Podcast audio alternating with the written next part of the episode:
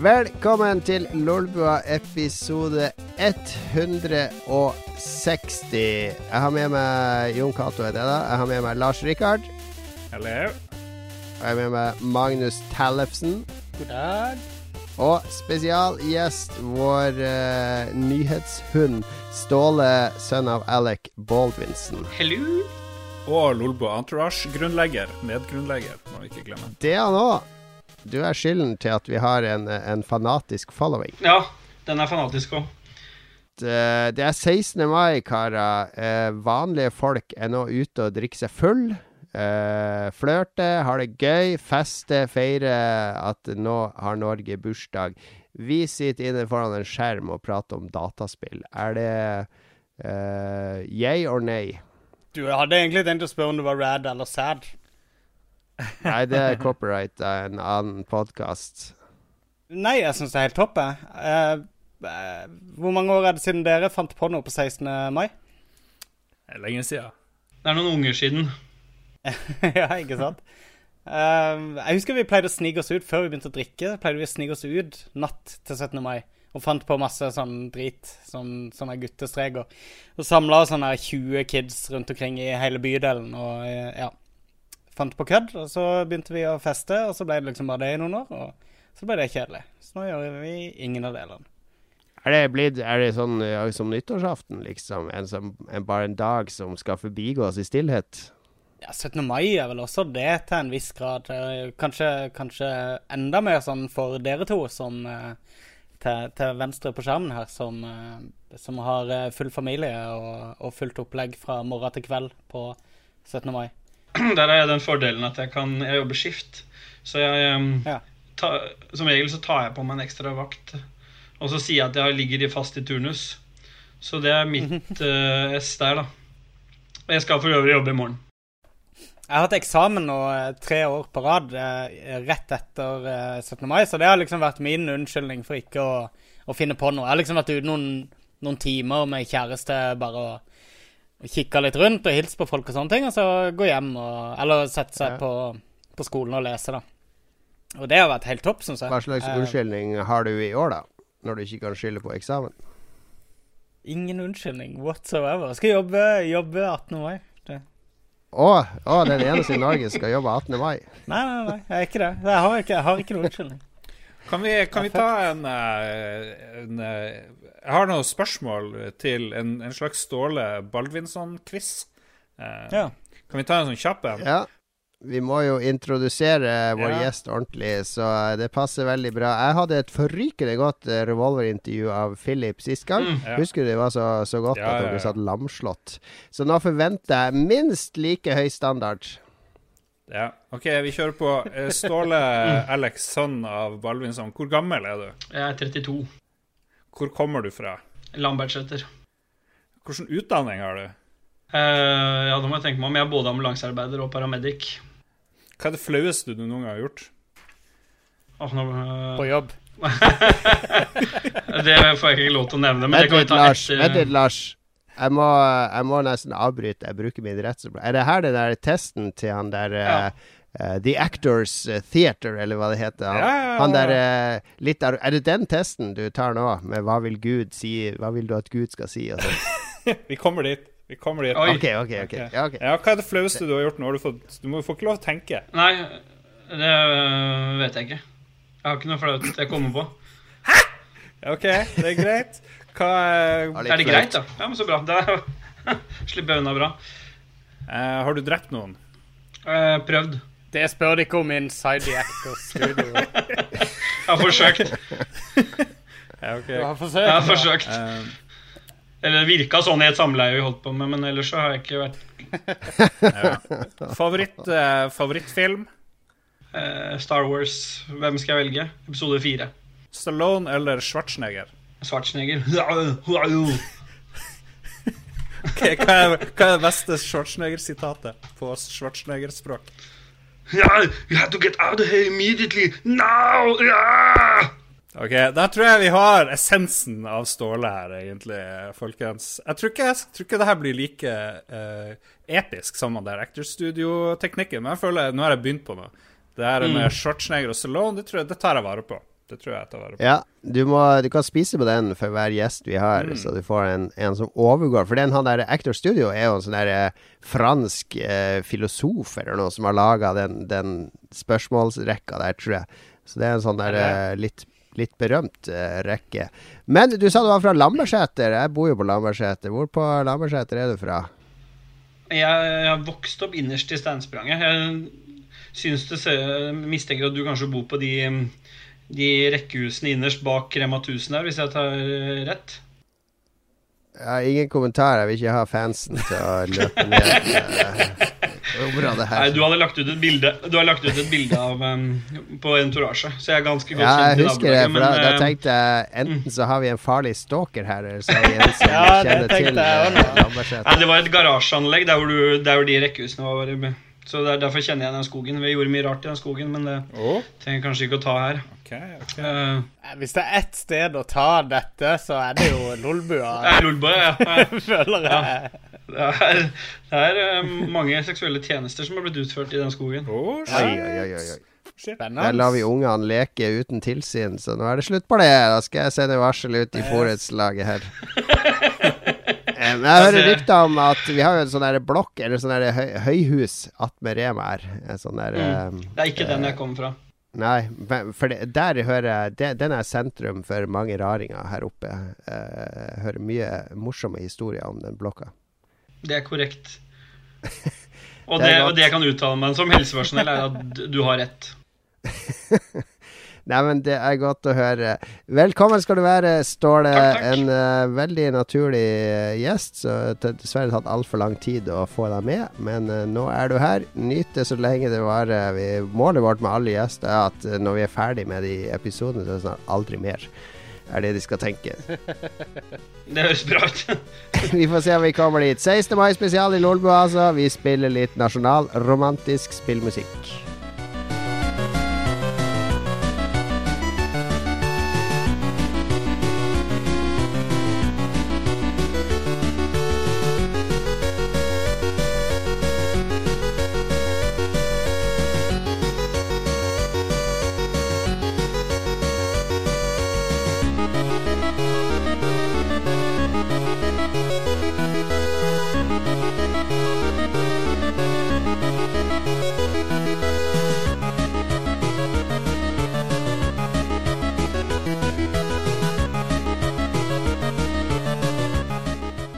Vi går rett inn i Vi tar tyren ved hore, horene, holdt jeg på å si. Vi- Vi tar tyren ved hornene. Det er ikke så bra å ta en tyr ved horene. Uh, der hadde det sikkert gått an. Da ble det mye rare bilder på henne der. Men uh, vi, vi tar uh, tyren ved hornene og eh, går rett inn i spillstoffet. Spill er det det handler om, først og fremst, i, i bua her i dag. Jeg var i eh, NRK eh, P2 i dag, i sånn kulturmagasin, og snakka i tolv minutter om spill som kultur. Som var, eh, var moro nok. Men som vanlig jeg, jeg har jo sånn, Det er en bok som heter Spillmagi, fra Fritt Ord mm. og Frekk Forlag, der jeg har et sånt bidrag via en sånn konkurranse om meg og Breivik og sånne ting. Og så eh, Jeg leste jo det opp på quizen, Magnus. Det husker ikke Ja. du, for du, lø, du løper jo hals over hode. Når det, når det nærmer seg en kulturell tilnærming av spill, da er Magnus over alle høyder. Så Nei da. Men eh, problemet med den teksten er at den er veldig sånn personlig da, om den dagen og de timene og hele Breivik-greia. Så når jeg leste den opp, så ble ble veldig sånn Det blir veldig følelsesladet for meg, for jeg blir liksom transportert tilbake til akkurat den stua. da Så det var veldig vanskelig å lese. Og så skulle jeg lese det på radio, og det var jo enda verre enn jeg hadde tenkt. Har du det som lesestemme? Så Ja, med min onkel Jon-stemme. Men det ble jo Jeg kjenner jo at jeg klarer nesten ikke å holde Det blir sånn klump i halsen, så jeg, kan ikke sitte på NRK radio og grine, så jeg må bare mm. fleipe det bort med noen uh, holocaust-vitser og sånn. Nei da, jeg gjorde ikke det, men jeg, jeg måtte ta, ta meg sammen veldig, veldig fort. Uh, men det var det, Ja. det var Det var ikke noe Ja, det er jo bare en tekst, men uh, det var stress. Men eh, jeg var jo på Festspillene i fjor, eller forfjor, det Festspill i Harstad, sånn som i Bergen.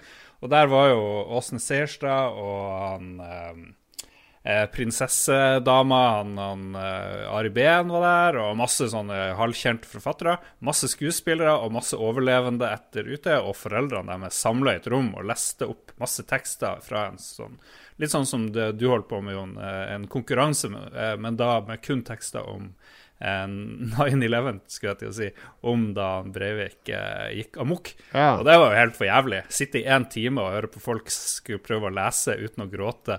Eh, sånn eh, SMS-er fra Utøya, f.eks.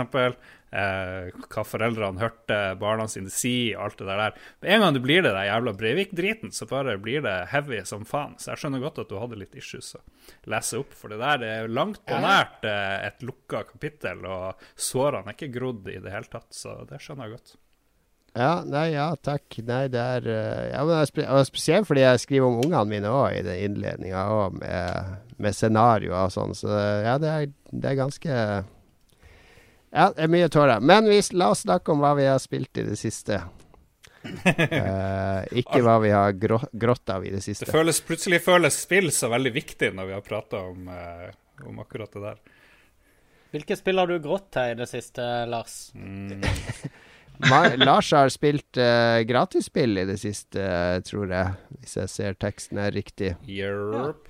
Jeg har eh, lastet ned og spilt Tales from the Borderlands fordi jeg hadde ikke kjøpt det, men det er jo gratis på? PlayStation Network. Planen er å runde det, for det er jo en uh, free eh, platinum. Jeg er jo blitt the platinum whore. så så det, jeg skulle ønske alle bøker hadde platinum, alle film hadde platinum. Så hadde jeg liksom en grunn til å, å se gjennom ting. Men Jeg um, savna litt achievements på, på Kindlen. Det må jeg ærlig innrømme når jeg begynte å dille med den. At jeg, her burde jeg bli belønna for noe. ja, ja, ja. Sjekka opp 50 ord, eller ja. Ja, gå ned Gå ned 10 kilo, få, få en platinumstjerne. Det, det, det skulle sett. Men OK. Jeg, jeg, er jo, jeg er glad i Borderlands uten å ha spilt så veldig mye. Jeg har spilt et par av de spillene, aldri gidda å fullføre dem. Det er jo en veldig sånn komisk univers. eh, First person-spill med ganske solide historier og veldig bra skrevet dialog, vil jeg si, og morsomme karakterer. og de gjør liksom, de vrir om på spillmekanikk og tilfører førstepersonskytersjangeren noe nytt. Ikke sant? Eh, vil jeg påstå. Men OK, kjører på med Tales from the Borderlands. Ny karakter som man aldri har hørt om før. Begynner opp i et romskip, ender opp ned på Pandora, er det det planeten heter? heter? Der det ofte skjer. Ja. Og så havner man i sånn her eh, India, Indiana Jones-aktig eventyr eh, hvor du liksom jakter på en skatt og eh, har med deg et par eh, sidekicks og eh, det skjer ting, men det er jo egentlig et slags eh, remix av point and click. Men eh, grafikken som Telltale bruker, som de har brukt i alle de her eh, Walking Dead og sånt, funker jævlig bra i, i Tales from the Borderlands, for det er litt sånn her tegneserie selvshada-stilen allerede. Så, så det er supernaturlig fit. Og eh, det er litt kjærlighet, det er litt sånn ekte relasjoner som gjorde at jeg faktisk brydde meg om de her eh, karakterene mens du, mens du driver og styrer på. Åssen eh, personlighet eh, spiller du som? Spiller du som en sånn arrogant asshole, eller er du sånn hyggelig og um, uh, Hva er det Diplomatisk og Det som er litt gøy med, Borl- med de her Tales og de her Telltale-spillene, er at du ser hvilke andre valg folk har gjort. Og da får jeg jo fornya tiltro til menneskeheten, for de fleste er ganske OK.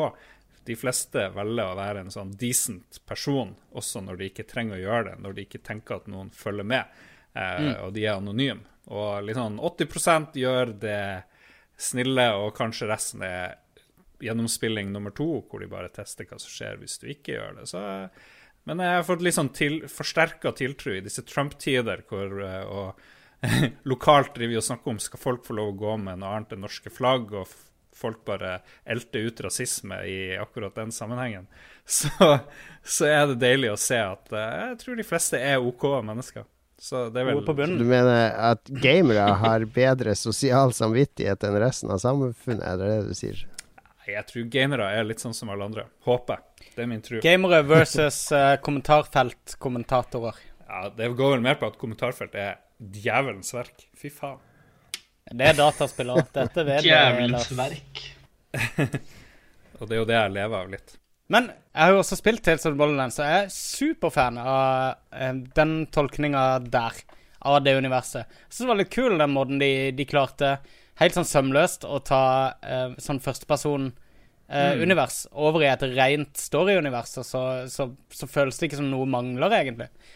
Bra. Liker du det her bedre enn Borderlands 1 og 2, Lars? er jo et morsomt oh. spørsmål. Eh, fordi det er samme univers, men to helt forskjellige typer spill. da. Hva foretrekker du fremfor den uh, Hva heter det Rogue-tilnærminga med random-våpen og, mm. og svampe-hitpoints-fiender? Uh, ja, det, jeg har jo aldri fullført dem, og jeg blir jo gal av for mange våpen. Og det var jo så mye å samle.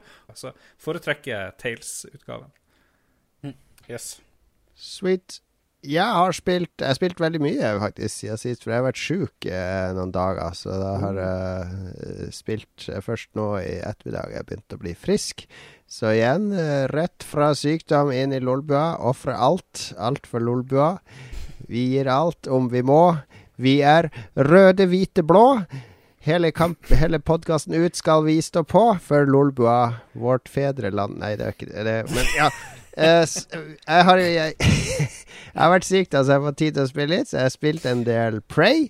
Jeg har spilt uh, Polybius og et par andre PlayStation VR-spill. Og så har jeg spilt uh, Det jeg kan snakke om, er kanskje Tumbleseed på Switch. Tumbleseed er kanskje verdens vanskeligste spill. Jeg har aldri spilt et spill som jeg syns var så vanskelig på år og dag. Det er sammenligna med Dark Souls og sånn òg. Fordi mm. eh, det er sånn 2D-plattformspill, basically, der du styrer en pinne som går på uh, horisontalt over hele skjermen. Altså Med høyre spake så kan du dytte pinnen opp og ned på høyre side. Og med venstre spake kan du dytte den opp og ned på venstre side. Altså midt på denne pinnen så ligger det en ball.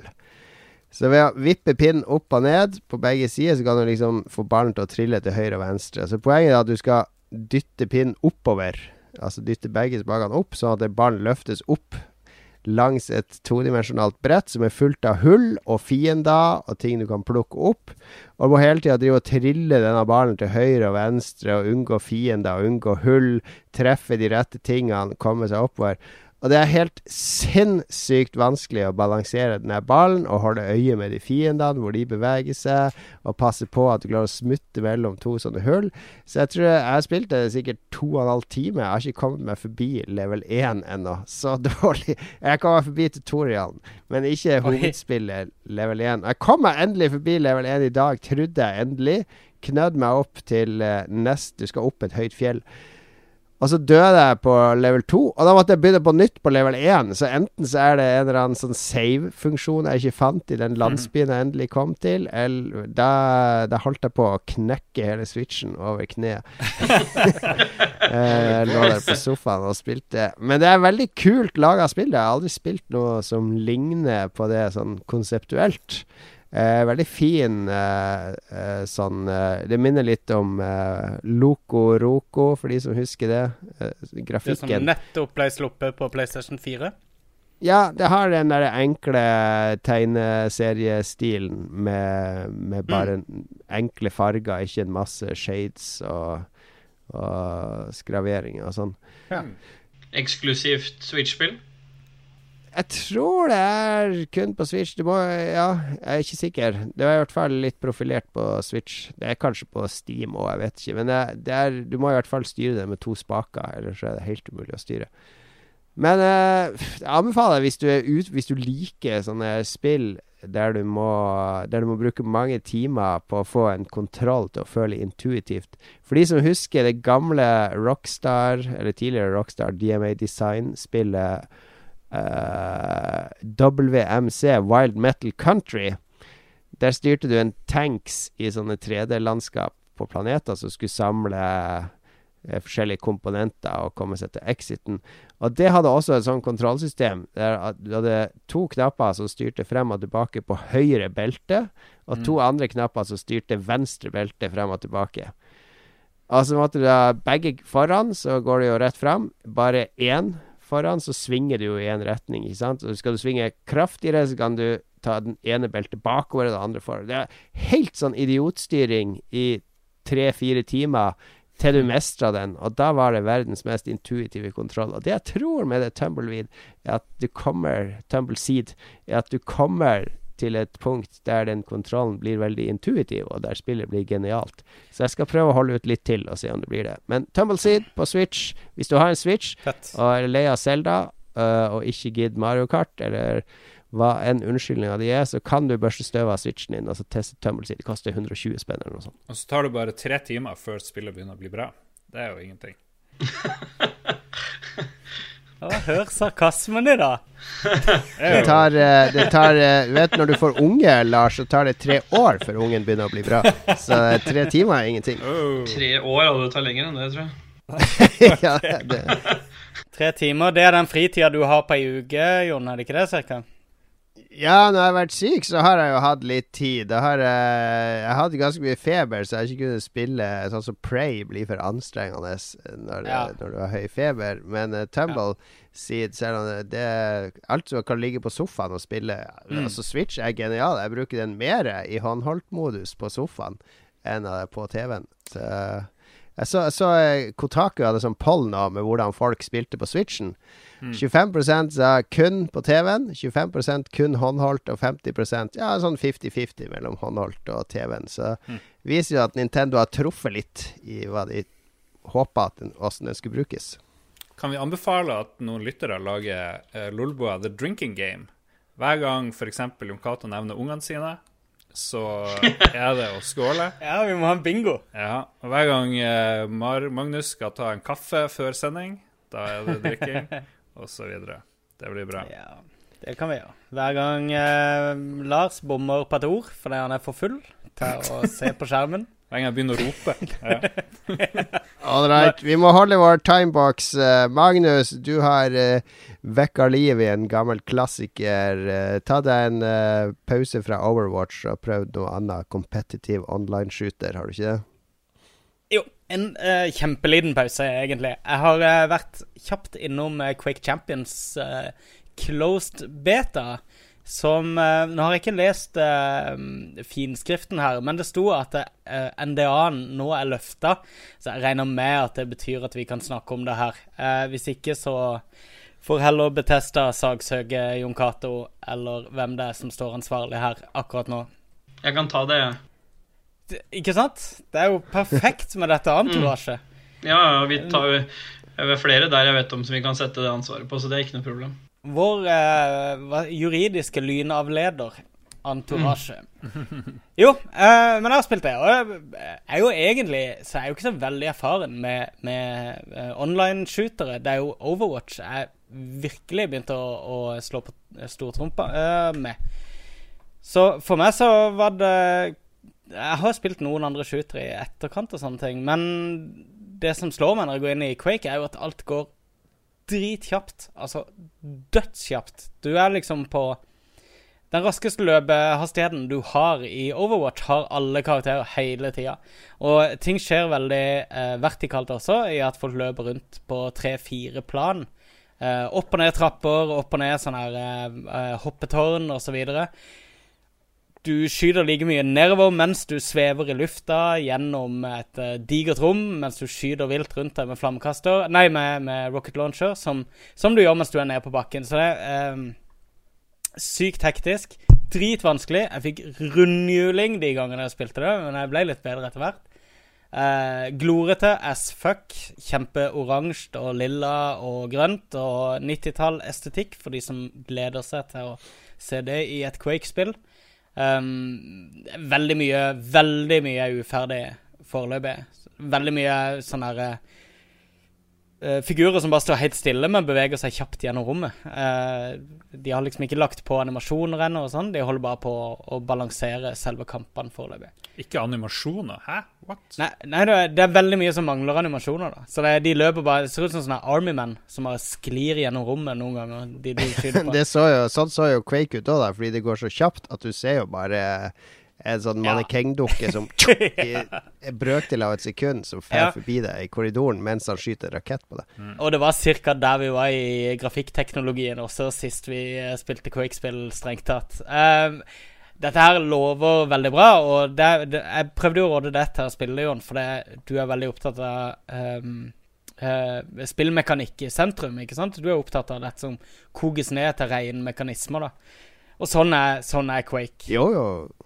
Quake, er liksom du kan, du kan, fjerne alt annet fra spillet. Du trenger nesten ikke ha grafikk i det.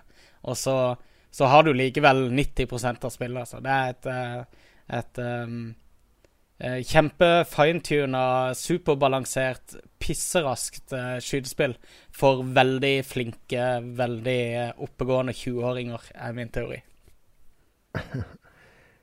ja.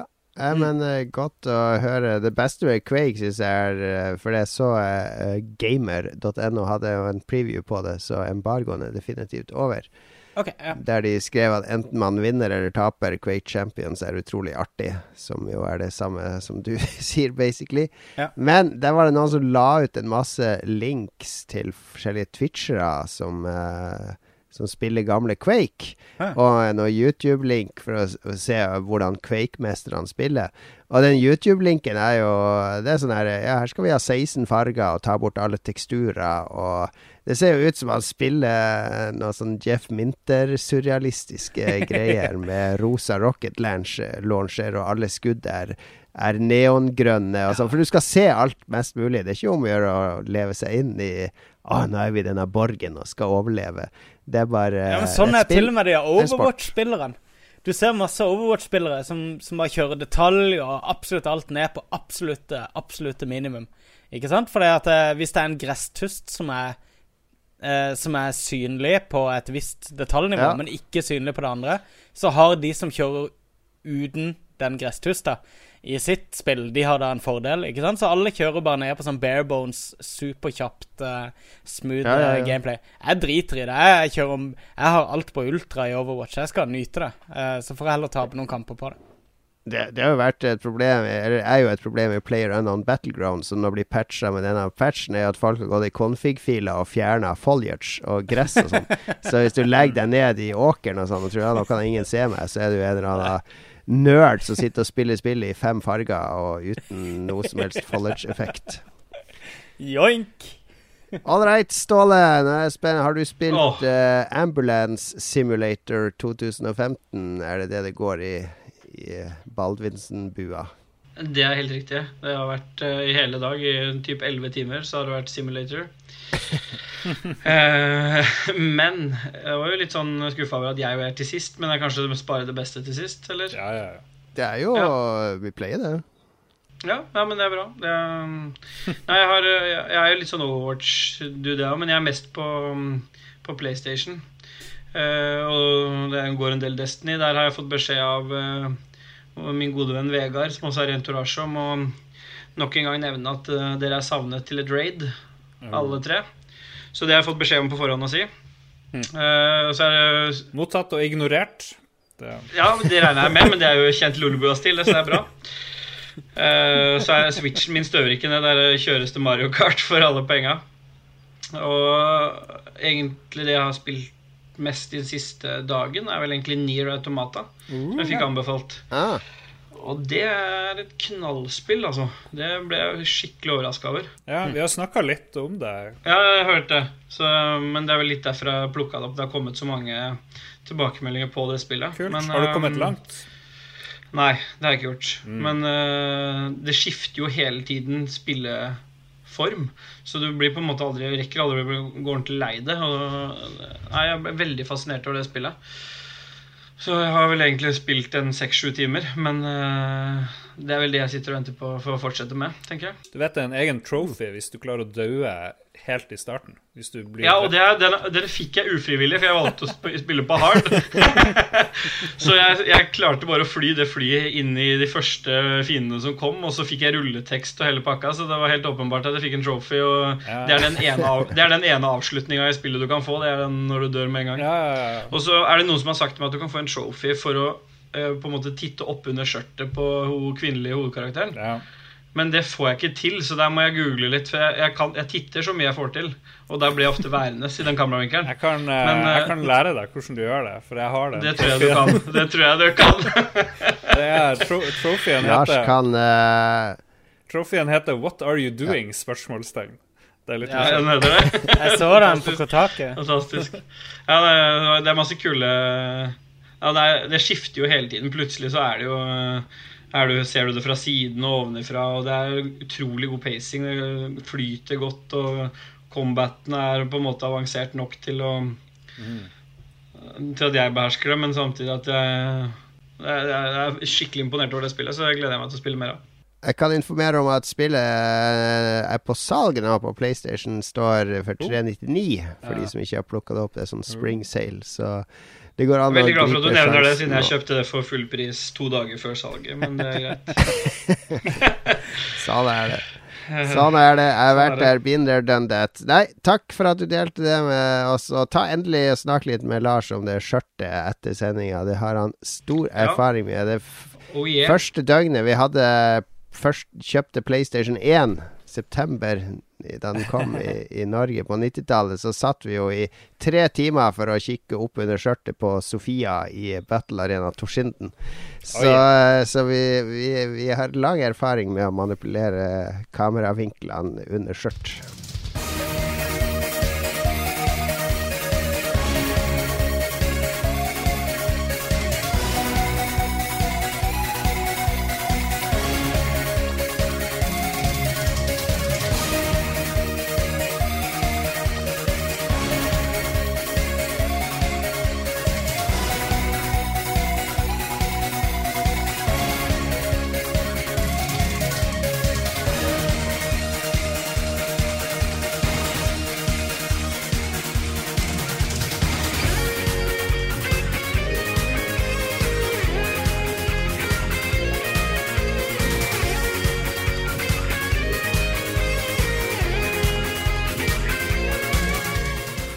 Vi fortsetter med vår splitter nye spalte, nemlig Ukesoppdraget. Og forrige ukes oppdrag eh, det var jo rett før Eurovision. Da skulle vi velge tre land hver.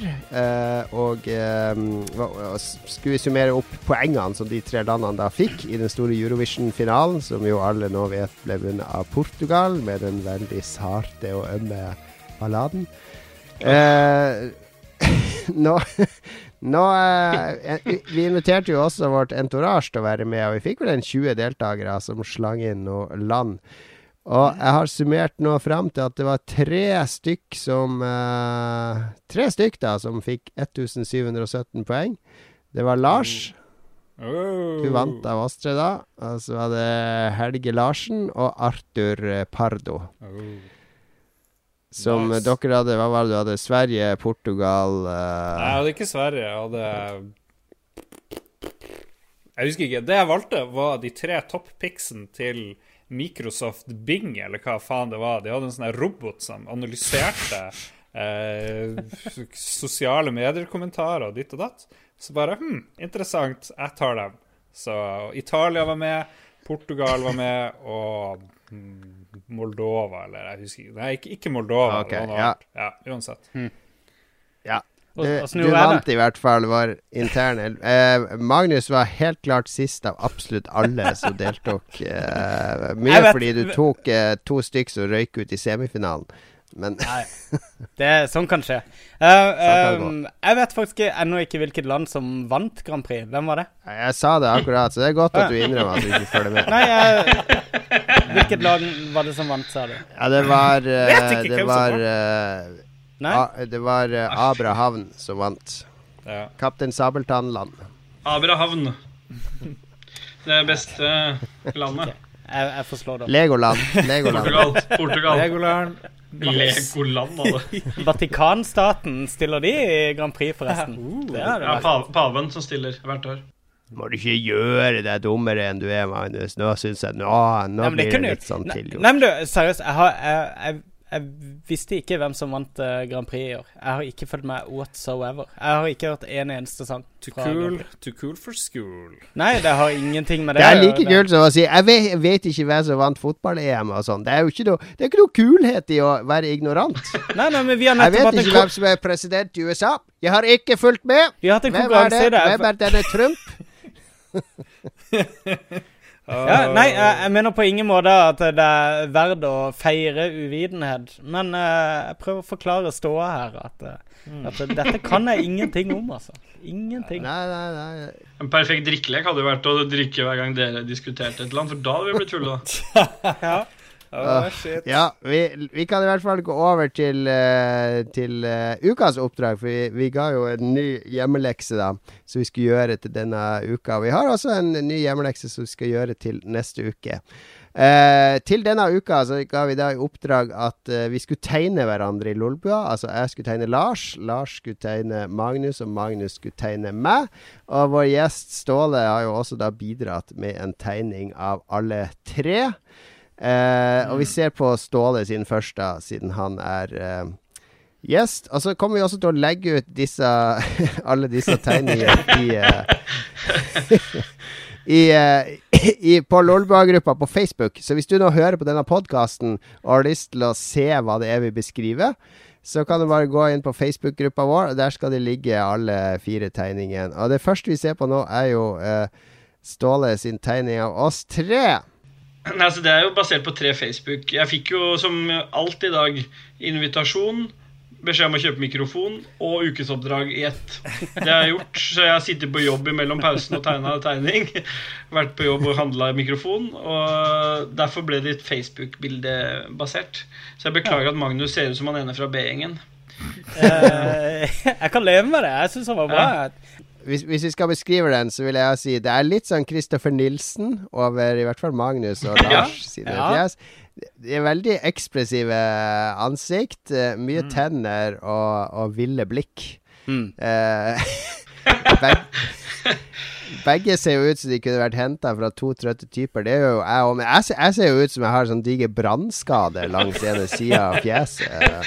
Du har Ja. skygge på det bildet på Facebook, og jeg visste ikke hvordan jeg skulle gjøre det bare med en kulepenn, så da fikk du Ja, brannskade. Og så har jeg den hentesveisen, da. Ser ut som jeg er blitt totalt skalla, og så har jeg bare Ja. dratt håret helt over, da. Veldig realistisk. Det er litt, litt, er litt Trump-inspirert, den sveisen der.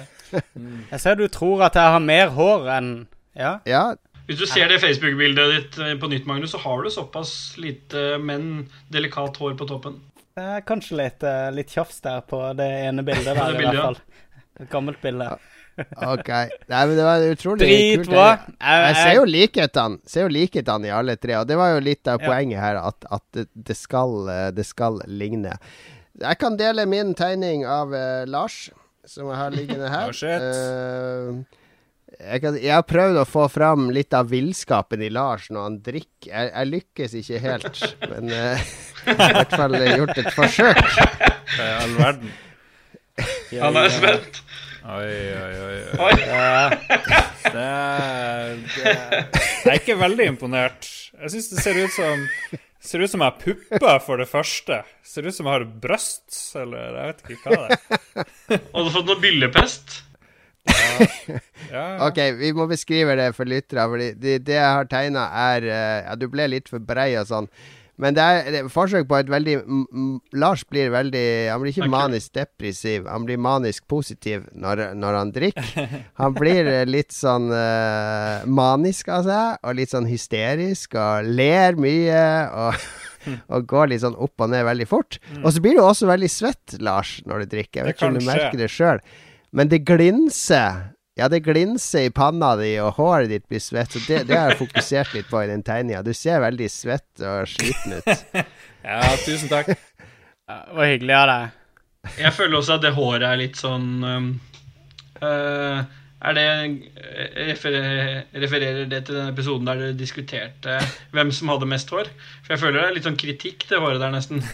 Ja, og så syns jeg er veldig Til denne, overdrevet. den episoden. Det er veldig overdrevet at det skyter vann ut av hodet mitt. Så det er, men jeg har, det er familien er litt sånn Vi blir veldig fort varme da. Vi er litt sånn Jeg går hele tida uten genser og sånt fordi jeg blir veldig fort varm. Så når jeg er på et utested og det er veldig varmt og sånt, så Ja, det var, men det var uh, tegna med penn og for frihånd. Jeg har ikke sett Ja på noe Facebook-bilde her, så, så det var etter Det er sånn Du kan tenke deg, Lars, at det er sånn her du ser ut for meg oppi hodet mitt når jeg tenker på det. Det er et sykt bilde, egentlig. Det var faktisk det var det, styggeste, styggeste karikaturtegninga jeg har sett. Vi, vi ser her midt på at uh, dette var ikke første skissa. Jeg ser du har tegna på andre sida òg, Jon. Ja, ja, jeg begynte på andre sida, og det ble helt forferdelig. Så det her er andre, andre utdrag. Men jeg trodde du sa var- at det skulle bli tegna sånn realistisk og liksom skulle være seriøst. Det Nei, jeg sa du skulle bare gjøre, gjøre ditt beste. Altså Ja. Om du klarer å tegne en sånn Finn Graff-karikatur, så er jo det og Det er jo helt Ja. innafor. Men nå er jeg spent. Hvem vil dele neste? Magnus eller Lars? Mm, Jeg Det er minner deg, kjære lytter, på at hvis du har lyst til å se det vi beskriver her, så ligger altså disse bildene ute på Facebook-sida vår, eh, alle tre, på Lolbua.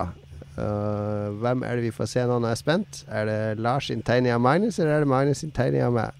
Oh my god, i helvete. Har du sett? Li- Ligner nok det på Jon? Det er jo basically Jon. Jeg mener, hva snakker du om? Hvordan- Hva er det, hva er det med denne Hva er det her du ikke ser Jon på? Det er i hvert fall surkjeften ene der, det må vi Yes. si. Ja. Men er ikke det barten, da? ja, det er kanskje barten. Barten var jeg fornøyd med. Barten er jo ordentlig bart. Jeg trodde òg barten var kjeften min. Altså, Ja. det er, nå, er det, nå er vi inne på veldig impresjonisme Ja, det her med Magnus. Det er min, mye minimalisme. Det er to svarte prikker til øynene, sånn som i sånne gamle gamle amerikanske Ja, men det er også. Jon, du har, du har litt sånn små beady eyes. Er, Ja. jeg, prøv, jeg prøvde å, å lage øyer på det, men det ligna mindre på det enn hvis jeg bare lagde de der små knappehullene. Ja, Så, Takk for eh, komplimentet. Ja, men, det er ikke- men det er ikke noe vondt men, Magnus har et poeng. For at jeg skulle tegne det Facebook-bildet, så tenkte jeg faen, hvor er øya? For Ja. det var litt, ja, Men det er ikke vondt ment, men det var litt vanskelig å finne dem. Så det var litt øyenbryn. Og legg merke til det der lille hakket oppi panna, Jon. Jeg, jeg, jeg obsesser over det der lille Det der opp-ned-veden. Som du hadde den der Illuminati-trekanten eh, midt i panna di. Jeg liker det øret som Jesus bare ikke Christ. passer inn på noe som helst måte. Jeg Det er litt. Picasso-aktig. Det er ødelegger symmetrien, så Ja, det er litt det. kult. Ja, det er faktisk litt kult. Men, men det er altså meninga at den der sure opp-ned-veden der nede er munnen min, med en sånn strek under. Sur opp-ned-ved. Ja, det er Jeg trodde først at barten var Ja, en det er sånn en bart. skikkelig Det er en diger bart. Ja, den er kjempediger. Kjempediger sånn bart. Den bare klasjer jeg på. Men så er det en liten munn, og så er det en liten underleppestrek der. OK, OK. Ja. ok Vi må gå videre. Det, var, det, det ligner ikke så mye på Jon Cato, det må jeg si. Sånn Ja, det syns jeg. eh. Ja. Er du Ja, klar? bra, bra, jeg er imponert. OK, da sender jeg Magnus Tellefsen, vær så god. Holy shit. Jeg er ganske stolt over den tegninga. Altså. Ja, den var fin. Den, er, den ligner jo eh, Folk må bare vente litt, for jeg får ikke loada den eh, Å, på fytti helvete. Er, både jeg og Ståle har tatt utgangspunkt i samme profilbilde. Ja, du har det, ja? Ja, ja. Så du må ta de opp. eh, Ja, det- OK. Ja. Ja, jeg prøver å få det opp, men uh, Herregud, hva faen. Ville ikke vise det. der. Ja, det der tror jeg du gjør med vilje. jeg prøver så godt jeg kan. Um, Du må lukke chat-vinduet og åpne det igjen. ja, det er det jeg gjør nå. Jeg syns uh, jeg er ganske stolt. Ser jo ut som, uh, ser ut som uh, hva, hva heter han der eh, Ok, det her er no, Det er jo Dette er mobbing. Ja, ja. Ja, det er det faktisk. Det er ikke mobbing, det er det beste jeg Nei klarer. da. Det er Eh, seriøst. Det ligner jo. Du har jo fått ut essensen av ansiktet mitt, føler du ikke det? Lars? Du har til og med signert det. Jeg ser jo du du. Ja. Der har du et Tinder-profilbilde, i hvert fall. Ja, ikke sant? Det trengte jeg. Jeg- jeg vet ikke hva skal sendes til, eh, til Ullersmo eller Reitgjerdet, liksom. Det, det han, han ser jo gal ut. Det ser jo ut som en psykopat. Han ser, han ser kåt ut, syns jeg. Kåt. Det blir, se på det blikket, da. Se de øya.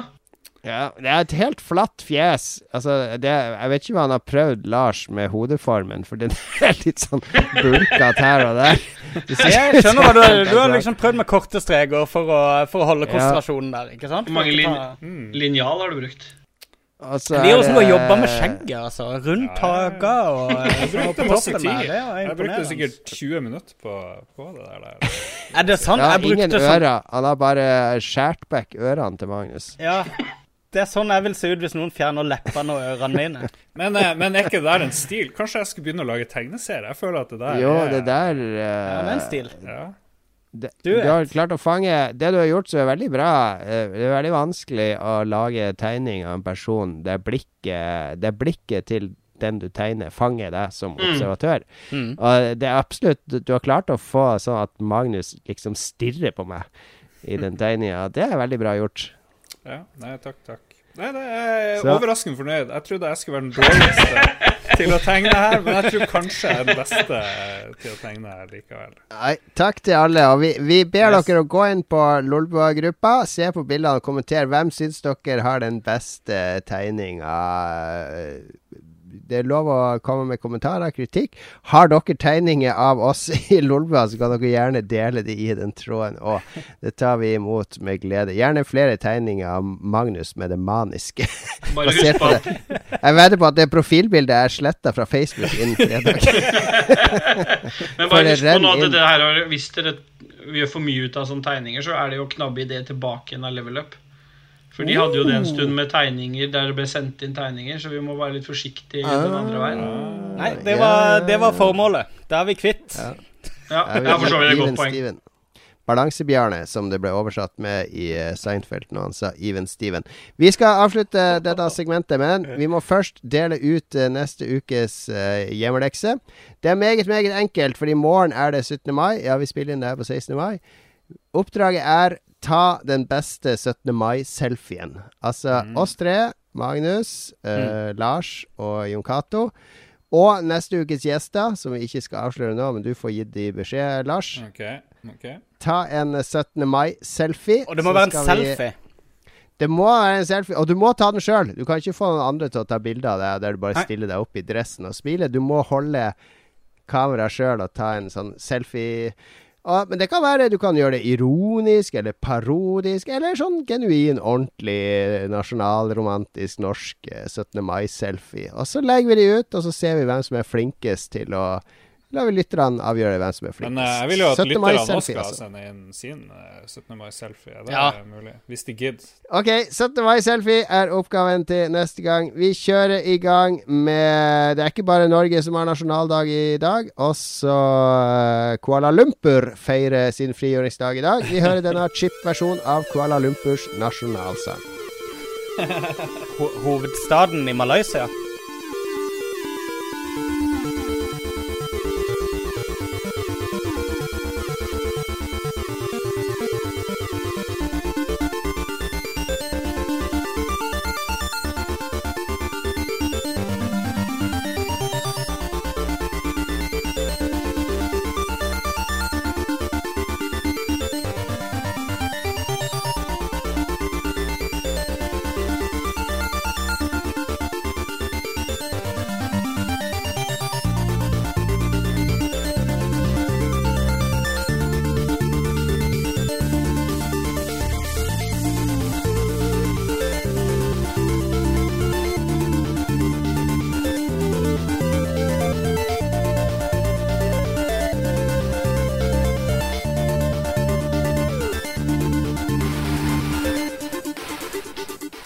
Vi må jo selvfølgelig hylle vår gjest i dag.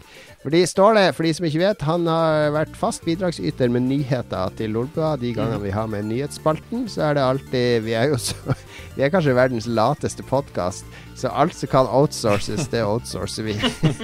og Ståle meldte seg frivillig til å lage nyheter for oss. Det har han gjort eh, et par ganger. Så vi har tatt med to nyheter denne gangen som vi skal snakke om. Og det kule her er jo at Magnus nå slipper å lese de opp, for nå kan vi få de rett fra kilden. Da slipper shit. vi å få Magnus sin bra. alt-right-vinkling på, på den objektive eh, journalistikken som Ståle har levert. Ja, beklager det alltid. Ståle, vikarierende nyhetsanker, kjør første nyhetssak. Nintendos mobilsatsing fortsetter. De har fra tidligere annonsert Animal Crossing. De kan nå fortelle at også Zelda-serien vil finne veien til mobilen. Dette er fortsatt et stykke unna, men arbeidet er angivelig godt i gang. Oh shit. Zelda. Litt sånn stakkato, men det går bra. Det går veldig litt bra. sånn Filmavisen eh, Litt Filmavisen-vibber. det, eh, det, kunne jeg fått, det kan jeg klare, for der er bedre. Skal jeg prøve, skal jeg Nintendos prøve det? mobilsatsing fortsetter. Ja. ja, men jeg kan Litt- prøve. Det er jeg bedre på faktisk enn det jeg gjorde nå. Jeg syns du gjorde en bra Filmavisen. Litt sånn seinere ut i Filmavisen. Og de liksom Ja, vi skal ikke lese opp nyheten flere ganger. Nå- Senker skuldrene Det skal ikke handle om Se, Det skal ikke handle om. Ståle som nyhetsoppleser, det skal handle om nyheten. Ja, veldig, Ja, ja. veldig fornuftig sagt. Veldig fornuftig sagt. Ok, Selda på mobil. Det høres ut som en forferdelig idé, fordi det verste som Ja. fins, er å spille sånne spill som krever knapper, men som ikke har knapper på mobilen. På mobilen så skal du peke og trykke kanskje 100 ganger på samme plass, sveipe hit og dit. Du skal ikke drive og knukke med å gå høyre, opp og ned og venstre, og så må du ha to knapper A og B, og Nei, det går ikke. Det går ikke. Forferdelig idé. Men tror du de kjører, tror du de kjører på den, den modusen? Altså, de kjørte Super Mario Run i, i Altså, prøvde å tilpasse det mobil. Jeg kan ikke tenke meg at Nintendo ville brukt knappebasert, altså bare konvertert et Zelda fra Super Nintendo. Jeg vil jo tenke meg at de gjorde noe, sånn, gjorde noe helt annet med det. Det har du helt rett i. Jeg trekker tilbake noe touch eller noe swiping, eller du skal Super Link Run. Mark my words. Ja, ja, uff. Nei, det må vi ikke få. Ja, vet du hva, jeg tenkte bare, jeg trodde egentlig jeg misforsto nyheten, at de skulle remake masse Zelda til mobil. Det skal de selvfølgelig ikke gjøre. Så jeg trekker tilbake Nei, alt. det blir jo egne spill. Altså Alle mobilspillene de har gitt ut, har jo skjønt hva mobil handler om. Det er jo derfor det tar litt tid. De kunne jo bare spydd ut dårlige porter av eh, masse gammelt ræl og tjent masse penger. Men eh, de lager jo ordentlig mobilspill, så ja, vi får se hva det blir. Ja, Nintendo porter jo ikke noe sånn helt uten Ja. videre. Nei, men det er, det er jo ikke så spennende som et nytt Zelda eller Mario eller Nei. Metroid eller whatever til Switch. Det er jo det som er spennende. Men det er jo Ja. Jeg syns jo Super Mario Run var en fin oppvisning i hvordan man kan uh, variere en endless runner og gjøre litt mer dybde i den. Ja. Så det blir gøy å se. Bra. Bare ikke bruke alle ressurser på mobil. Nyhet nummer to, Ståle. Yep. BioWare legger nå Mass Effect-serien på is. Andromeda-teamet skal også være kraftig nedbemannet. Kotaku sier eh, at kilder forteller at store deler av Andromeda-teamet har blitt overført til AA Motive, der de skal jobbe med det nye Star Wars Battlefront 2. Det- I Lolbua heter det Battlefront. Ja, unnskyld. Battlefront. Ja, riktig. Det er viktig. Eh, Battlefront, det, ja. er det et sjokk? Er det. Det, det som er litt skummelt, er jo at spill som uh, Jeg hørte litt det samme om spill som Dishonored 2 og uh, ganske ma Nesten alle sånne Triple A-spill som kom i fjor, som ikke har en stor multiplayer-del som får en following, eh, er liksom har underperforma. Fordi folk forventer OK, Overwatch har solgt 30 millioner, så da bør Mass Effect selge i hvert fall 20 millioner. Uh, ja, for de kan bruke samme teamet kunne laga Overwatch i stedet for Mass Effect, ikke sant? På den tida de brukte på Mass Effect. Sånn, ja. Mm. Ja, det kan bli det morsomt basic, hvis eh, det teamet fra Andromeda er på, på Battlefront. da Det kan bli gode ansiktsanimasjoner der, i hvert fall. ja. Det lover bra. Men eh, hvorfor jeg, Lars, nå har jeg muligheten. Ja. Det var ikke mer interessant med den Square Enix og Ja. IO Active? ja, det er mer interessant. Jeg tar selvkritikk. Ja, jeg syns det. Jeg fikk panikk. Det er mye Ja, mer interessant. Ja, det er det. Det går jo nettopp på det jeg snakker om, fordi Hitman har ikke solgt dårlig. Det har solgt ganske Nei. bra til å være singleplayer. Du må si hva eh, nyheten er, eh, før du begynner å Ja, du kan få den. Jeg har den foran meg. Square Enix vil kvitte seg med det danske selskapet IO, IO Interactive, og dermed også Hitman-serien. Square Enix bekrefter at de trekker seg fra selskapet, og at de i første omgang ser etter investorer til å overta IO. Yes. Ja, helt enig. Veldig interessant. Men hvor mange av oss har spilt uh, gjennom hele Hitman-serien? Jeg har ikke spilt gjennom hele. Ståle har. Jeg har spilt uh, flere av episodene, og jeg gleder meg til å fortsette på det. Jeg synes Ja, det nye er kult, Hitman ass. Hitman, uh, det er noe Var det i fjor det kom, eller var det forfjor? I fjor, fjor. ja. Ja, det Våren var- i fjor, og så kom det utover hele år. Eller hele fjor, mener jeg. Et det var nesten et Game of the Year for min del. Jeg syns det var helt genialt åssen de fikk i gang igjen den serien. Uh, jeg spilte det igjen senest i går, merkelig nok. Mitt håp er jo at de her eh, som lagde Hitman, endelig skal gå tilbake til å lage demoer til Amiga, for det var det de holdt på med før de ble eh, spillselskap. Det var jo The Silence blant annet var involvert, og ble IO Interactive. Så jeg tror det er en sannsynlig utfall av det her. Det er jo en eh, sånn fra Stavanger som står bak i hvert fall de nyeste Hitman-spillerne. Kanskje ikke det nyeste, men hva, he, hva heter han, eh, Jon? Husker du navnet hans? sitt? var en nordmann Eh, som, to, eh, Tore, Tore Blystad. Tore på sporet fra Trondheim. Mm. Men jeg vet, jeg vet ikke hvor mye Hitman har solgt. Uh, igjen så tenker jeg Square Enix sitter og ser på Overwatch-salgstall og tenker ja, men det er jo skuffende. Men det, det tragiske her òg er jo at Square Enix har et rekordår i fjor. Altså De har et gigantoverskudd i fjor takket være Final Fantasy og en masse franchiser fra Final Ja. Fantasy og, ja, og en del mobilspill og sånne ting òg. Så de har god råd til å, å beholde IO og bygge videre på Hitman-franchisen, men de bare slipper alt som ikke er en umiddelbar pengemaskin, som var Activision sin taktikk i flere år. Eh, og det, det syns jeg smaker vondt. Ja, jeg syns det er kjipt. Kjipt for alle de danskene. Spørsmål om de eh, tjente nok på episodebaserte, da. Ja, det er jo det. Jeg vet ikke hvor mye økonomi det har vært i det. Men det er jo et superpopulært spill på Twitch og, og blant ja. youtubere og, og andre, så det er dumt hvis de ikke har klart å få en ordentlig økonomi i det. Men spesielt med tanke på det forrige Hitman-spillet, som var helt ræva, Ja. der det ble sånn rent actionspill. De har virkelig klart å finne tilbake til det som gjorde Hitman bra, og Mm. laga det og gitt det ut på en kul måte. Jeg Ja, de har skikkelig dyrka de der valgmulighetene du har i spillet. Og, og, det er jo så streamevennlig, akkurat som du sier, Jon. Det er, det er så sykt streamervennlig. For du ser folk spille gjennom det på en helt annen måte enn du noensinne hadde tenkt. Ja, ja, ja. Å, å gjøre Emergent det selv, liksom. narrative eh, Ja, ja. eh, fokus, ikke sant. Lek med systemet. Vi må gå videre. Vi er ute av vår timebox allerede. Oi, oi, oi. Vi spiller litt timebox-musikk. Hva faen er det for noe?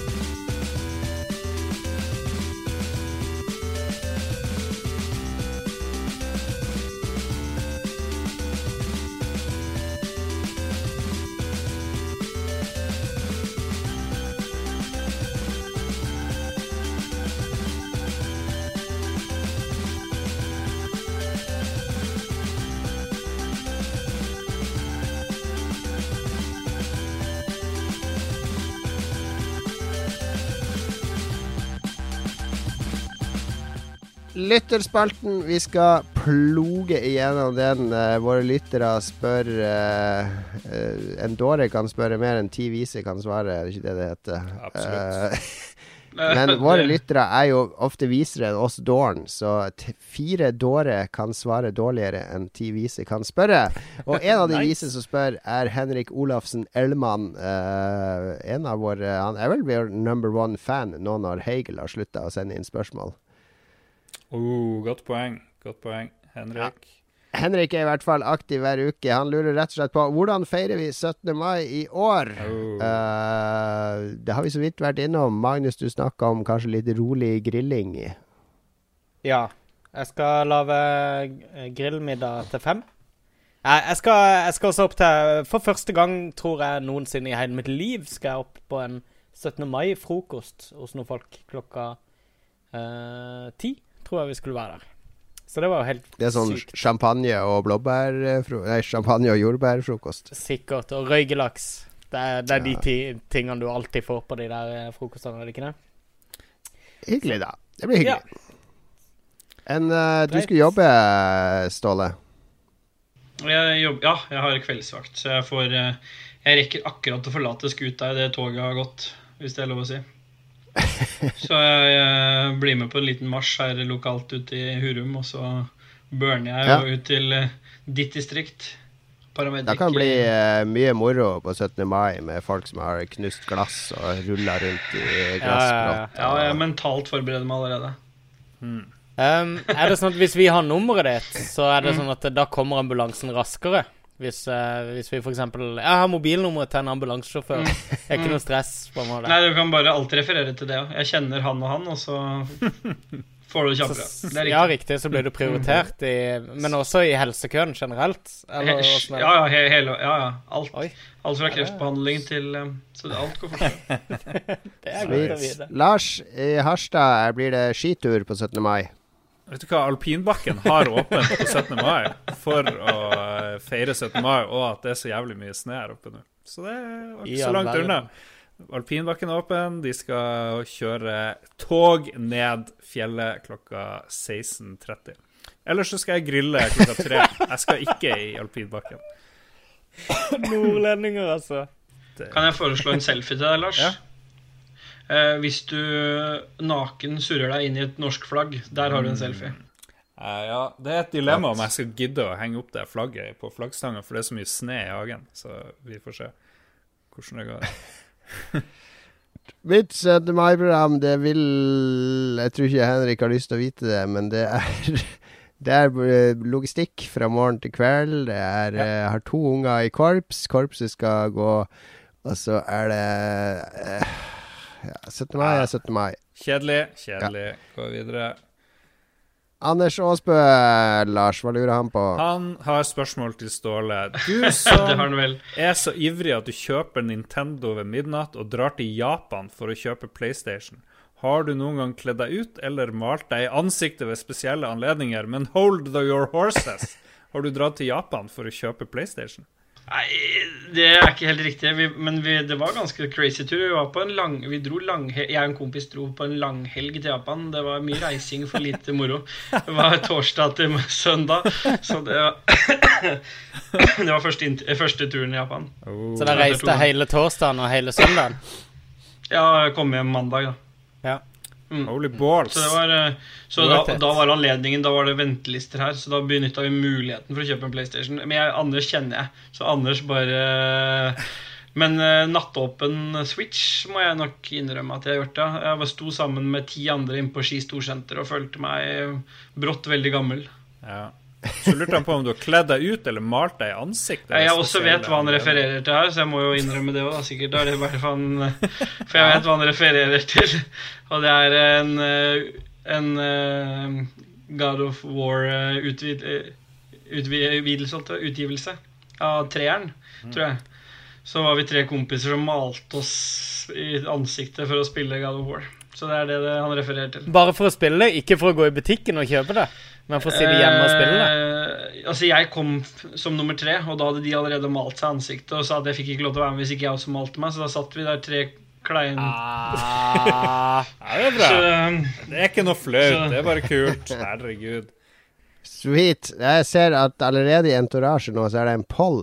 Bør Ståle Baldvinsson legge ut bilder av seg selv da han var malt som Kratos? Men eh, Helge Larsen i hvert fall lurer på Han har også et spørsmål til Ståle, nemlig Du får muligheten til å dumpe en av de andre i Lolbua, så du får være med på podkasten ukentlig. Hvem dumper du, og hvorfor? oi. Du, du, du, du. Uh, Lars, du ryker uh, åpenbart fordi du er uh, primus motoren i, eh, i den podkasten her. Oi. Så hvis jeg skal ha en sjanse til å komme inn, så må jeg dumpe deg, og så må jeg liksom overta din eh, klippejobb. Slaverollen. Ja. Det Ja, høres fornuftig ut. Mm. Godt valg. Godt valg. Veldig attraktiv løsning, ja. Det vil jeg Ja. si. Det høres greit ut for meg, for å si det sånn. Ja. Det er en bra sell-in å tilby seg å ta drittjobben. ja, det er jo Jeg, det. gjør, jeg bidrar jo litt med det nå, så. Sweet. Uh, ja. Eh, så har vi jo uh, Katarina, Lars. Katarina spør Ståle hvem er din favoritt i Entourage. Vi har jo et flott Entourage på Facebook. Bli Mhm. med der hvis dere ikke er med. Hvem er din favoritt i Entourage, og hvorfor? Eh, ser, hvis du ser under den posten, så står det også at de har allerede forhåndsvalgt en for meg. En som står Kristoffer Bauk. Men det er ikke riktig. Det er uh, herr Rikard Koteng og Øystein Dahl som også er, eh, var med en gang og starta opp den, det entourage. Så Det er mine, dine favoritter. det er mine to favoritter. Ja, bra. Det var Richard sin eh, moroidé om at vi skulle finne på noe kødd og bare lage noe artig til dere, og så bare utvikla det seg. Nå er vi oppe i 400 stykker snart, så det var en morsom idé som Ja, takk for det. er det? Har, har suksessen eh, gått her til hodet? Har det blitt gnisninger innad i, i denne gründergjengen bak eh, Lolbua Entourage? Ja, når jeg ble invitert i dag, så begynte det å danne seg Hvorfor det, liksom? Ja, ikke sant, hvorfor akkurat Ja. meg? Men det jeg sa, det er jo alltid greit å velge han tjukke, liksom. Det er jo alltid en fordel. Det Så er, det er det, er sånn vi gjør det. Vi, Det er kronologisk etter vekt. Det var sånn jeg fikk bli med i Lolbua. Ja, ja, ja, det ser du. Ja. Så, um, ja, da, så da blir det litt sånn gnisninger, men det, det løser vi på, på bakrommet. Bra. Morsomt at du nevnte Øystein Dahl, for han har det aller siste lytterspørsmålet vi tar med denne Det- gangen, Magnus. Yes, Han spør om det er noe hold i de her ryktene som vi hører mm. episode etter episode, om at du er sønn av Alec Baldwin. Um, eller, nei, han spør egentlig om det er hold i ryktene om at du ikke er sønn av Alec Baldwin, eh, men heller opphav fra en av hans mindre anerkjente brødre. Er sønn av, ja. uh, av Gamergate, Uh, Adam Baldwin. Altså han som coina Gamergate-terminologien. Ja, det må det være. Ja, nei, jeg, jeg kan bekrefte at det, at det har blitt sagt, i hvert fall. Men jeg er den utstøtte, da. Sønnen. Men, det, men det er jo et, et litt uh, spesielt, uh, spesielt etternavn, eh, Baldwinsson. Eh, det betyr jo at det har vært en eller annen dude som heter Baldwin her oppe i Norge. Jeg satt og tenkte på akkurat det samme, og, og Hønsja. ja, det er bestefaren min. Kalte han han, for bestefar, bestefar Baldwin. Ja, også, eller oldefar, mener jeg. Og så er min bestefar Sigurdur. Hvis han, hvis han hadde bodd i Sverige, så hadde han hett Balle. Da hadde de kalt han for Balle i Sverige. For de, de forkorter alle sånne lange navn. Ja, det hadde jeg likt bedre, egentlig. Ja, Det er enklere å stave når man skal kjøpe noe. Litt morsomt å kunne lage noe ut av det, liksom. da hadde du vært Ståle, Ballesen. Ståle Balle. Ståle Balle. Stå, stålballe. Stå, der har vi Ja, det det er der har vi det perfekte. Vi er jo i mål. Stål. Stålballe. Er i mål. Det var en Stålballe spesial lytterspalte denne gangen. Tusen takk til alle som sendte inn spørsmål i vårt entourage. Husk at uh, hvis du melder deg inn i vårt entourage, så kan du også være med og bidra til denne fantastisk underholdende spalten. Vi har én ting igjen. Det er ukas anbefaling, som kommer straks etter denne flotte låten.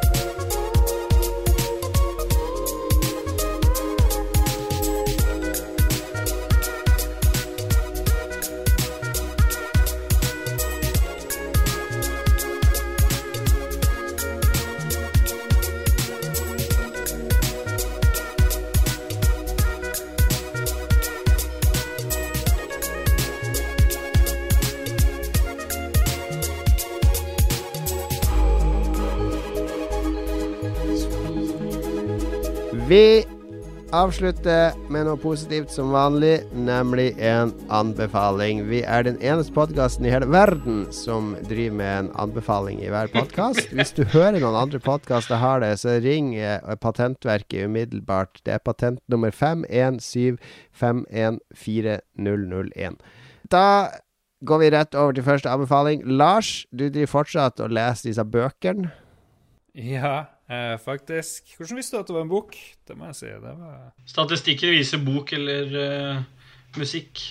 Ja. Nei, tok Eller serie. God gjett. Nei, jeg driver og leser en, eh, en Jeg tror jeg har nevnt, før vi begynte med den faste anbefalinga, eh, så tror jeg jeg har nevnt forfatteren Steven Renneberg. Steven Renneberg.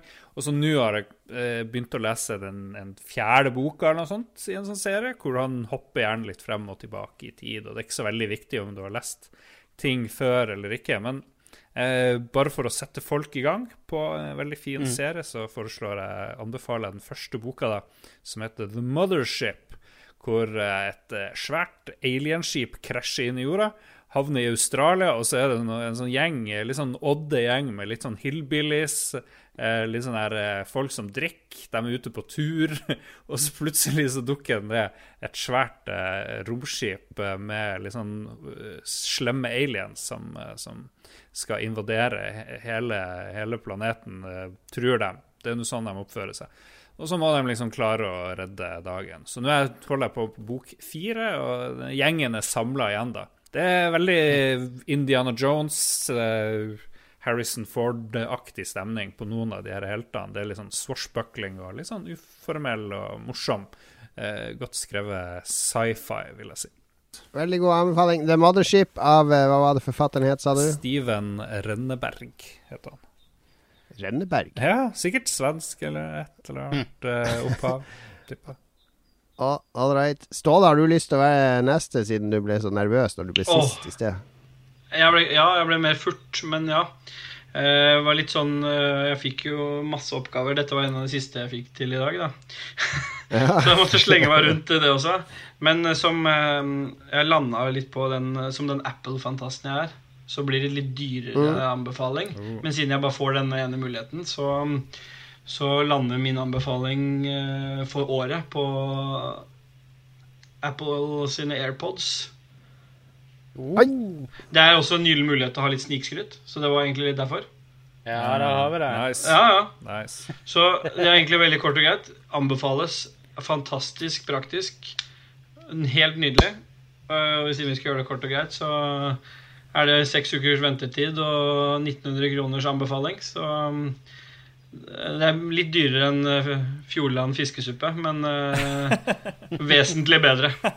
Sånn som uh, Jeg holdt på å ryke på en Fjordland-anbefaling, jeg også, men uh, den var ikke noe god allikevel, så da røyk jeg på den. Oh, nice. Hva er det du syns er kulest med de ørepluggene?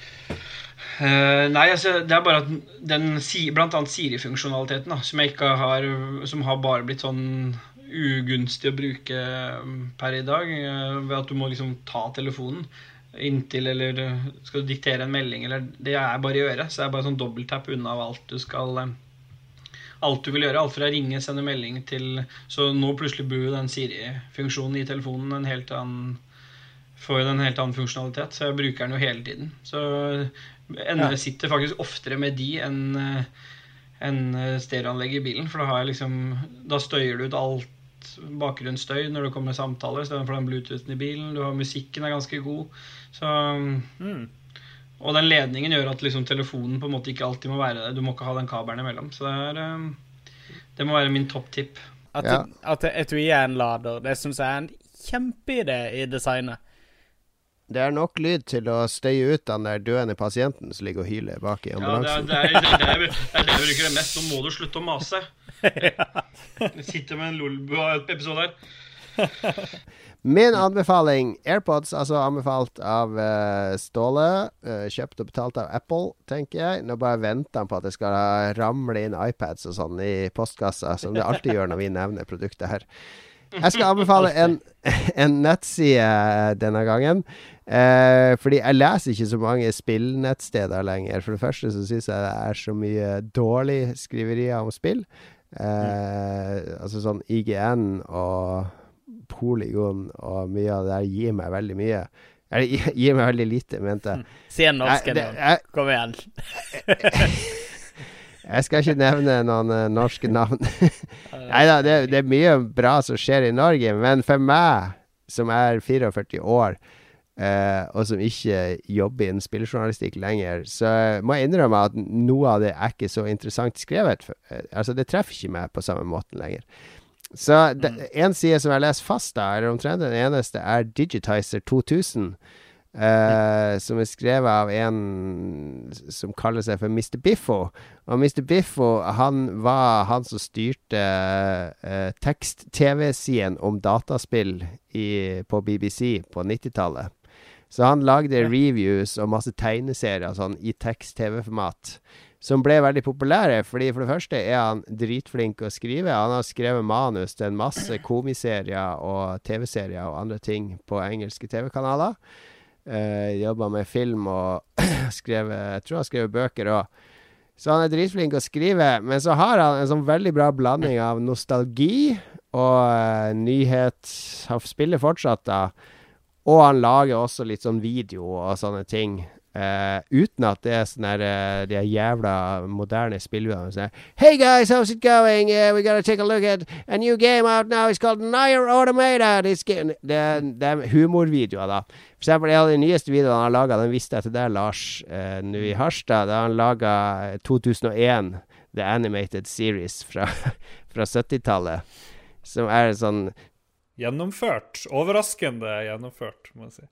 Ja, det ser ut som en lost tegnefilm fra 70-tallet, eh, der de har laga sånn barnetegnefilm av 2001-filmen til Kubrik.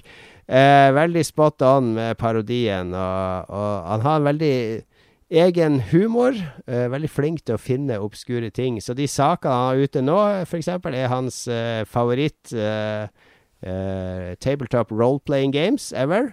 Som er en veldig fin liste over flere rollespill som jeg har spilt, og Lars har spilt. Eh, han har en om awardshows, han har en om underrated PlayStation games. Han har en om Amiga-spill. Så det er en sånn blanding av mimring og litt humor og litt alvor. Eh, skrevet i en veldig personlig bloggtone. Så jeg går ikke dit for å få spillnyheter eller sånne ting, men jeg, jeg går dit bare for å ja, for å lese underholdende ting om spill. En original Han har en egen stemme, da. Så Digitizer 2000 kan jeg anbefale varmt til alle som bare vil ha godt lesestoff om spill. Thank you, John. Bra anbefaling. Veldig bra. Det er det Magnus. Ja, um, jeg fant jo dagen etter innspilling forrige gang, så fant jeg min, uh, min anbefaling. Jeg tenkte den er perfekt for meg. Jeg er jo veldig glad i å lage mat, som dere vet. Jeg er ganske geeky, som dere sikkert også vet. Uh, uh, YouTube-kanalen Binging with Babish uh, er en YouTube-kanal hvor en veldig morsom kar på raskt og smertefritt og overraskende kvalitetsbevisst vis gjenskaper matretter fra TV-serier og filmer dere sannsynligvis har sett. vi snakker om Uh, Friends, den der moisturizer uh, uh, turkey-sandwichen til Monica. Alle husker moisturizer-sandwichen. Den laver han. altså, han går gjennom sykt mye fete filmer og serier, og hvor enn de nevner ingredienser, eller uh, de viser hvordan de lager mat, så prøver han å lage det på nytt, eller så lager han en bedre versjon etter å ha prøvd å lage f.eks. Homers Moon Nei, Homer Simpsons Patented Space Age Moon Waffles, tror jeg de heter. Der han blander sammen ganske mye kvalme greier og lager en en, en uh, utrolig kvalm uh, rett ut av det. Så, så lager han først den kvalme og ødelegger vaffeljernet sitt og alt mulig. og smaker det og brekker seg, og så lager han en ny, en, en ny variant som er litt bedre. Det kule med de videoene er at de stort sett aldri er mer enn fem minutter lange. Ofte er de nede på sånn tre minutter, så du får en veldig kjapp, utrolig sånn vittig selvbevisst uh, uh, sånn YouTube-kanal-vri uh, på det. Og jeg har prøvd en del av oppskriftene hans. De er faktisk veldig bra. Utrolig fet kanal. Binging with Babish. Jeg skal legge opp en link i Entourage. Eneste jeg har lyst til å gjenskape fra Goodfellas, det er å ha en dude i bagasjerommet, og så må jeg åpne opp, og så bare med kjøkkenkniven. Det er det første ja. som skjer i filmen.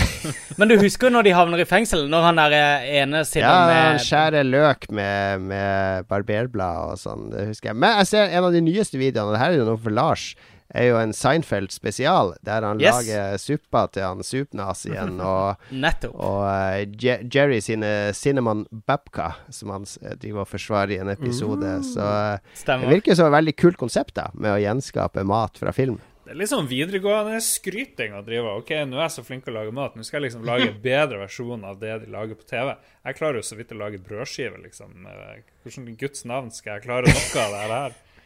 Nei, men det er, ikke, det er, ikke, så hardcore, det han gjør, og det er veldig lite uh, utstyrskrav på det. Og det er veldig basic uh, koketeknikker han benytter seg av. Han, uh, han har blitt med på en del ting sammen med Comedy Central. Der de har han med på en del sånn komifestivaler og sånne ting. Der de har cook-offs og cook-offs. Um, Cock-off. Ja, cock-offs ble nevnt, men det var ikke det du sa. Nei, det, det er oppfølgeren til FaceOff. Det. Det er hvor uh, Jack Nick Nei, hva heter han? All right, all right. Nå sporer det langt ut av Jeg er så glad for at ikke han kom på navnet nå. This is really funny, guys! This is really funny. Binging with Babish. Eh, vi lar den avslutte eh, ukas anbefaling. Badabing, badabish. Så var vi ferdig. Eh, vi avslutter denne episoden av Lolbua. Tusen takk til Ståle for at du var gjest. Mm. Eh, Takk for at jeg fikk veldig komme. hyggelig at du var den første fra Entourage. Vi må jo ha som mål å ha med dine to Entourage-kompanjonger òg i løpet av året. Ja. Um, vi takker for oss. Uh, håper at alle hadde en fin 17. mai-feiring denne uka, for nå er det vel 19. mai når denne episoden er ute. Jeg, kommer, jeg sniker inn en sånn liten anbefaling fra alle oss her på slutten. Fordi i helga nå, 20. og 21. mai, så er det jo retrospillmessa i Sandefjord. Og jeg har tenkt meg det på lørdag, så hvis du ser meg der, hvis du hører det her på fredag eller lørdag morgen og ser meg der, så kom og si hei. Eh, jeg skal prøve å ta med min H6 og filme litt der nede. Jeg vet jo at f.eks. Rob Hubbard skal jo være der, som har, har vært mitt største Oh. musikalske idol siden jeg var liten. Og jeg har møtt Jeff. Minter allerede i år. Hvis jeg møter Rob Hubbard òg, så står ikke verden til påske. Du kan klare to, to mirakel der, faktisk. Du kan filme A. Filme med din H6, som du sa. Det ville jo vært helt vilt. Og du kan snakke med Rob Hubbard. Det, hvis du får til en av, de to tingene, så er jeg imponert. Ja. Do it. Kan også eh, Du hiver deg på et fly til Torp og være med på retrospillmessa. Det er også et mirakel. Vi, vi snakkes neste uke, folkens. Eh, Ta vare på dere sjøl nå i disse pollenapokalypsetider. Det går over. Høsten kommer før du vet ordet av det. Ha det bra! Ha det.